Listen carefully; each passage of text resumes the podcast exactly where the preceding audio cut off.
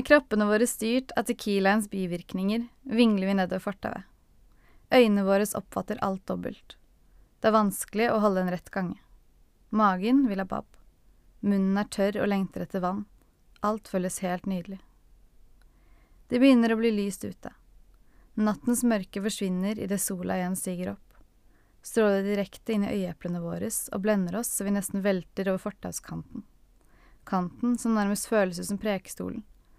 Klippen som skiller liv og død. For du på toppen, er livet fortsatt ditt. Men trår du utenfor, er det død. Litt sånn er det faktisk. Trår man utenfor, kan man falle og slå seg. Få skrubbsår på knærne.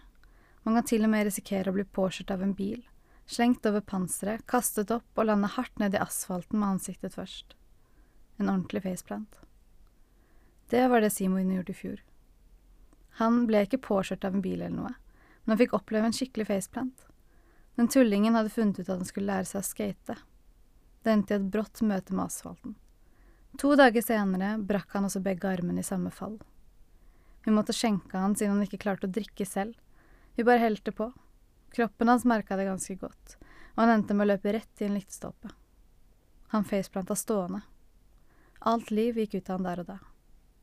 Nå vingler vi nedover fortauet, til ære for Simon.